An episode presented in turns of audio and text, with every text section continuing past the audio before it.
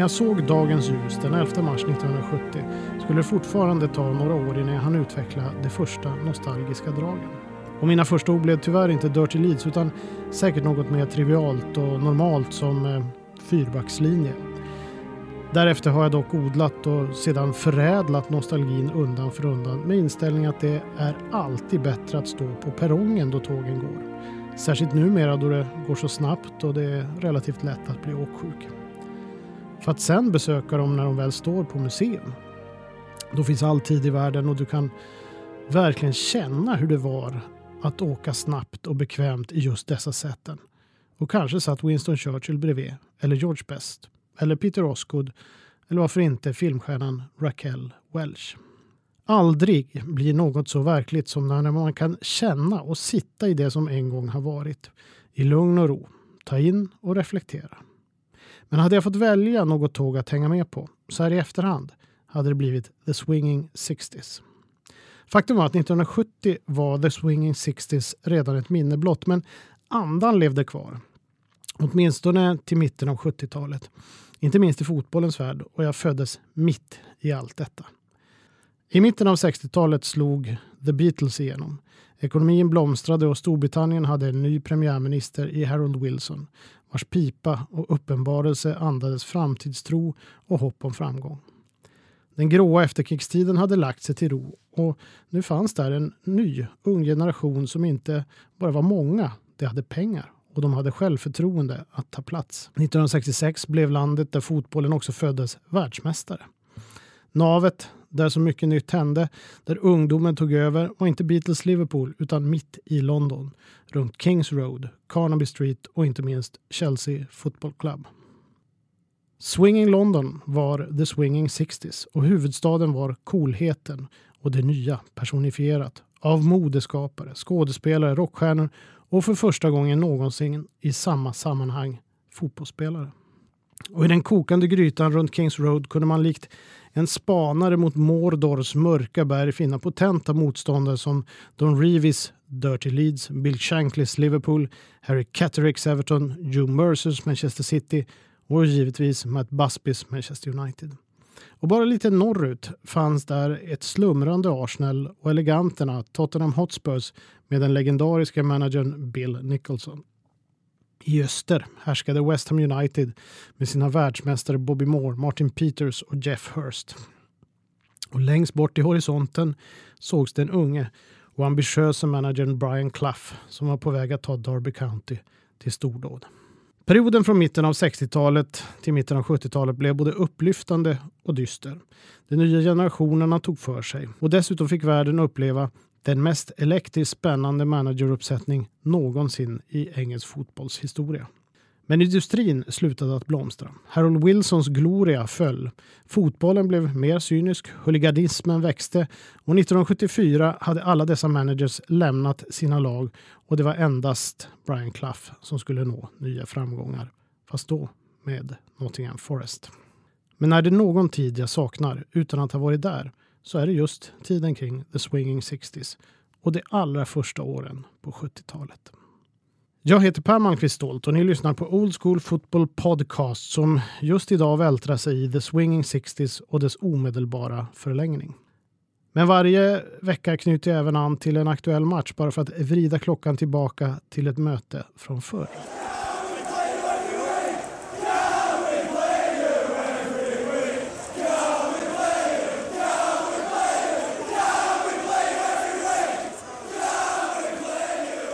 På söndag möter Chelsea Kevin Keegans och Ray Clemens moderklubb Scunthorpe i FA-cupens tredje omgång, vilket på så många sätt markerar det nya med året. Har så varit inte bara i England utan även i Sverige under lång tid. Tipsextra startade den 29 november 1969 och redan den 3 januari 1970 fick vi uppleva FA-cupens magi för första gången när dåvarande division 2-laget Leicester City skrällde mot division 1-motståndaren Sunderland med 1-0 efter mål av Bobby Roberts. Tredje omgången gick av stapeln i ett ofta kylslaget England och inför en fanatiskt hoppfull publik. Den 2 januari 1971 fick Chelsea Swinging 60s-gäng med Peter Osgood och company ta sig an Crystal Palace i en 2-2 match där Osgood gjorde ena målet och Tommy Baldwin det andra. För Crystal Palace målade John McCormack och Alan Birchenhall. Birchenhall som för övrigt var en av de första med en prislapp på 100 000 pund när han lämnade Sheffield United för just Chelsea 1967. Där det blev tre år innan han gick vidare till The Eagles. På lördag beger sig Chelseas grannar från eh, de lite finare delarna av London, Fulham, till den något kärvare Sheffield för att ta sig an Sheffield Wednesday i FA-cupens tredje omgång. Men den 5 januari 1985 var det The Owls som begav sig ned till London och Craven Cottage för en fight i motsvarande omgång. Då var Fulham i division 2 och Sheffield Wednesday ettan. I en på den tiden sprakande tillställning lyckades Wednesday till slut övervinna envisa Fulham med 3-2. Wednesdays centerstjärna Lee Chapman avgjorde med två mål där det avslutande kom i den 85 minuten. Kraftfulle Chapman var en reguljärt återkommande figur i tipsextra sammanhang. Han slog igenom i Stoke och 1982 gick han för den rundliga summan av 500 000 pund till Arsenal där det dock inte gick något vidare. Bäst blev nog hans fyra år i Wednesday. Det var dock Fulham som tog ledningen efter 16 minuter genom den lovande irländske mittfältaren Ray Houghton som senare skulle göra stor succé i bland annat Oxford, Liverpool och Aston Villa. Houghtons två mål räckte dock inte för en skräll denna gång. Fortfarande, 1985, var tredje omgången en febrig och emotionell tillställning där de stora lagen gick in i kuppen och hela England förväntade sig giant killing i den turnering varje liten pojklagsspelare ville vinna mest av allt, förutom möjligtvis VM.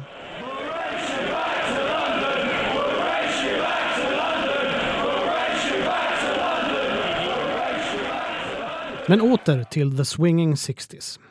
Säsongen 1963-64 var Chelsea åter i högsta serien efter att managern Ted Drake misslyckats med att bygga vidare på ligasegern från 1955.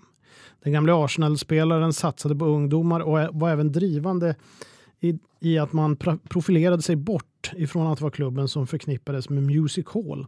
Aldrig vann, köpte dyra spelare och kallades för The Pensioners eh, på grund av eh, det näraliggande hemmet för krigsveteraner. Men det räckte inte riktigt för att eh, bygga något beständigt och klubben harvade tills dess att man åkte ur högsta divisionen. Dock bara för en säsong och under ledning av den färgstarke Tommy Docherty växte en helt ny generation fram. Dochertys Diamonds. Och The Swinging Sixties närmade sig med stormsteg. 1965 var klubben på väg mot en trippel, men fick trösta sig med ligacupseger, tredjeplats i ligan och semifinal i FA-cupen. Chelsea fortsatte vara ett lag för den övre halvan med flertalet profiler såsom målvakten Peter Bonetti, hårdföre Ron Chopper Harris och duktiga ytterbacken Eddie McCready.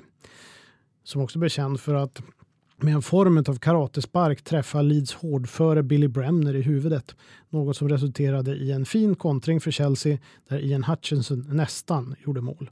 Dock ingen frispark eller varning. Det var andra tider då. Där fanns även den förtrollande skotske yttern Charlie Cook, forwarden Tommy Baldwin, gamle Bobby Tambling, backen David Webb, liraren Alan Hudson och tidigare nämnde forwarden Ian Hutchinson Mittfältsgnuggaren John Hollins, ja, för att nämna några.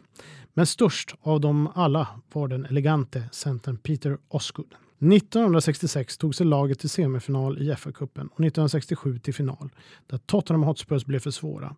Men piken kom i och med FA-cupsegern 1970, klubbens första, mot då så mäktiga Leeds United. Nu hade Dochertys Diamonds mognat och klivit fram som storspelare.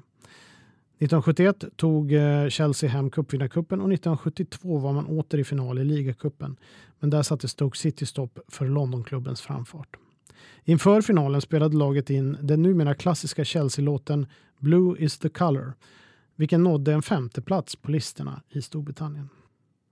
Samma säsong hade dock svenska Åtvidaberg slagit ut dem ur cupvinnarcupen. Dessutom var managern Dave Sexton inte alls road av trion Alan Hudson, Peter Osgood och Charlie Cooks aktiviteter utanför plan. Och ganska snart splittrades laget och Chelsea gick in i en mycket besvärlig tid med nedflyttning 1975, huliganism och därefter följde en lång balansakt i kampen mot att inte gå bankrutt. Peter Osgood formulerar relationen till managern Dave Sexton på ett diplomatiskt sätt i en intervju. Sexton var en fantastisk coach men hade själv som spelare aldrig varit någon begåvning eller fått något gratis. Vilket gjorde att han gillade alla som fick kämpa för sin plats. Osgood, Alan Hudson och Charlie Cook däremot var ju begåvningar och hade inte alls samma behov av denna kamp för sin plats i tillvaron. Vilket nog gjorde att Sexton aldrig riktigt gillade eller förstod sig på dem överhuvudtaget. Allt enligt Osgood själv. Men trion Osgood, Hudson och Cook var inte bara lysande fotbollsspelare utan en typ av personligheter vilka trivdes lika bra bland modeller, skådespelare och rockstjärnor som på plan. Förutom att det var eleganter ut i tåspetsarna när det gällde fotbollens underbara konst. Det sägs att Tommy Docherty på 60-talet fick erbjudanden på 100 000 punds nivån från lag på kontinenten såsom AS Rom och Real Madrid. Men The Doc visste värdet av den elegante centern som han tagit upp från de egna ungdomsleden. Vi skulle aldrig drömma om att sälja Osgood, medan att Brasilien skulle drömma om att sälja Pelé. Charlie Cook var en skotsk ytter med förtrollande fotbollskonster i bagaget vars intressen låg en bit utanför vanliga fotbollsspelares. Det ryktades att han hade en IQ på geninivå, dessutom litterärt intresserad och nästan besatt av Ernest Hemingways böcker. På 80-talet skulle denna mantel tas upp av en annan förtrollande ytter vid namn Pat Nevin. Kanske inte exakt besattheten av Hemingway eller det stora intresset för att kröka, men väl kulturintresset. Nevin gjorde under några år stor succé i Chelsea tillsammans med David Speedy och Kerry Dixon, vilket renderade i en flytt till dåvarande mästarlaget Everton FC. Den lille skottens excentriska intressen stod ut mer bland scousers och i ett lag som byggt en stor del av framgången på sin gemenskap lika mycket på plan som ute på krogen. Och de kulturella inslagen var, om man uttrycker sig milt, begränsade.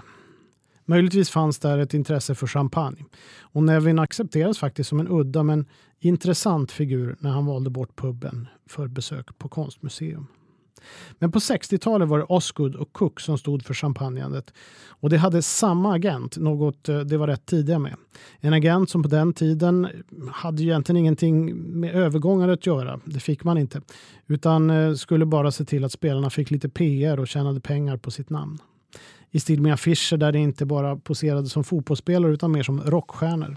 Eller som när Charlie Cook skrev för modetidningen Vogue om män inom sporten. En löddrande text med litterära ambitioner om spänningen i ett omklädningsrum inför match.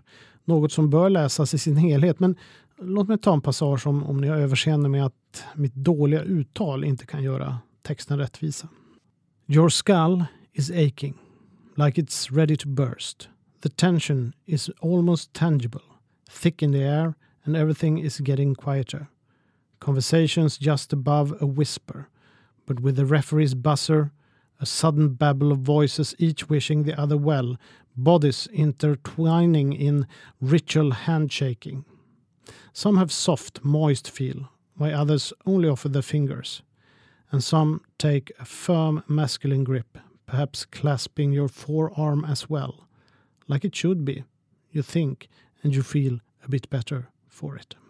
Alan Hudson var en av de där klassiska mittfältslirarna som kanske aldrig riktigt passade in i några städade strukturer eller brydde sig tillräckligt om fotbollskarriären för att inte falla in i samma destruktiva mönster som George Best, Stan Bowles och så vidare. Hopplösa spelare för varje manager.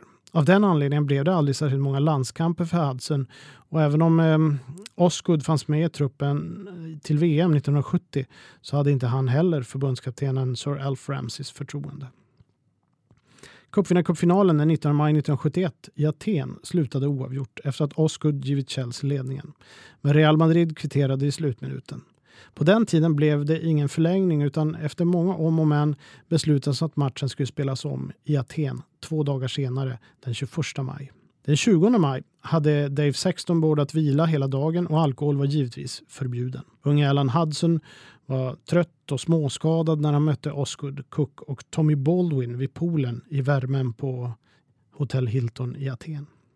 Alla är i färd med att dricka drinkar, spela kort och så vidare. Det vill säga slappna av i enlighet med Osgood och Companys definition. The Wizard of Oz, the King of Stamford Bridge, skickade dock upp Hudson på rummet denna gång med uppmaning att ta det lugnt, vila benet, oroa dig inte, lämna allt till mig, jag kommer vinna matchen åt oss. Det blev rätt många drinkar men Osgood avgjorde givetvis finalen dagen efter. Cook och Baldwin var lysande. Hudson döpte tillställningen till The Athens Hilton Party.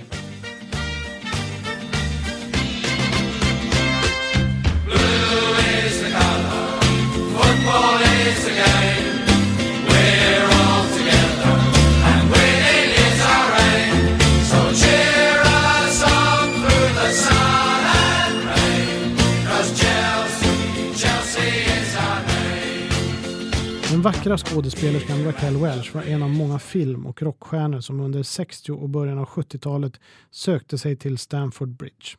Osgoods agent Greg Tesser tillsammans med fotografen Terry Neal anordnade i början av 70-talet en eh, fotografering med Welch iförd Chelsea-dress med Osgoods nummer 9.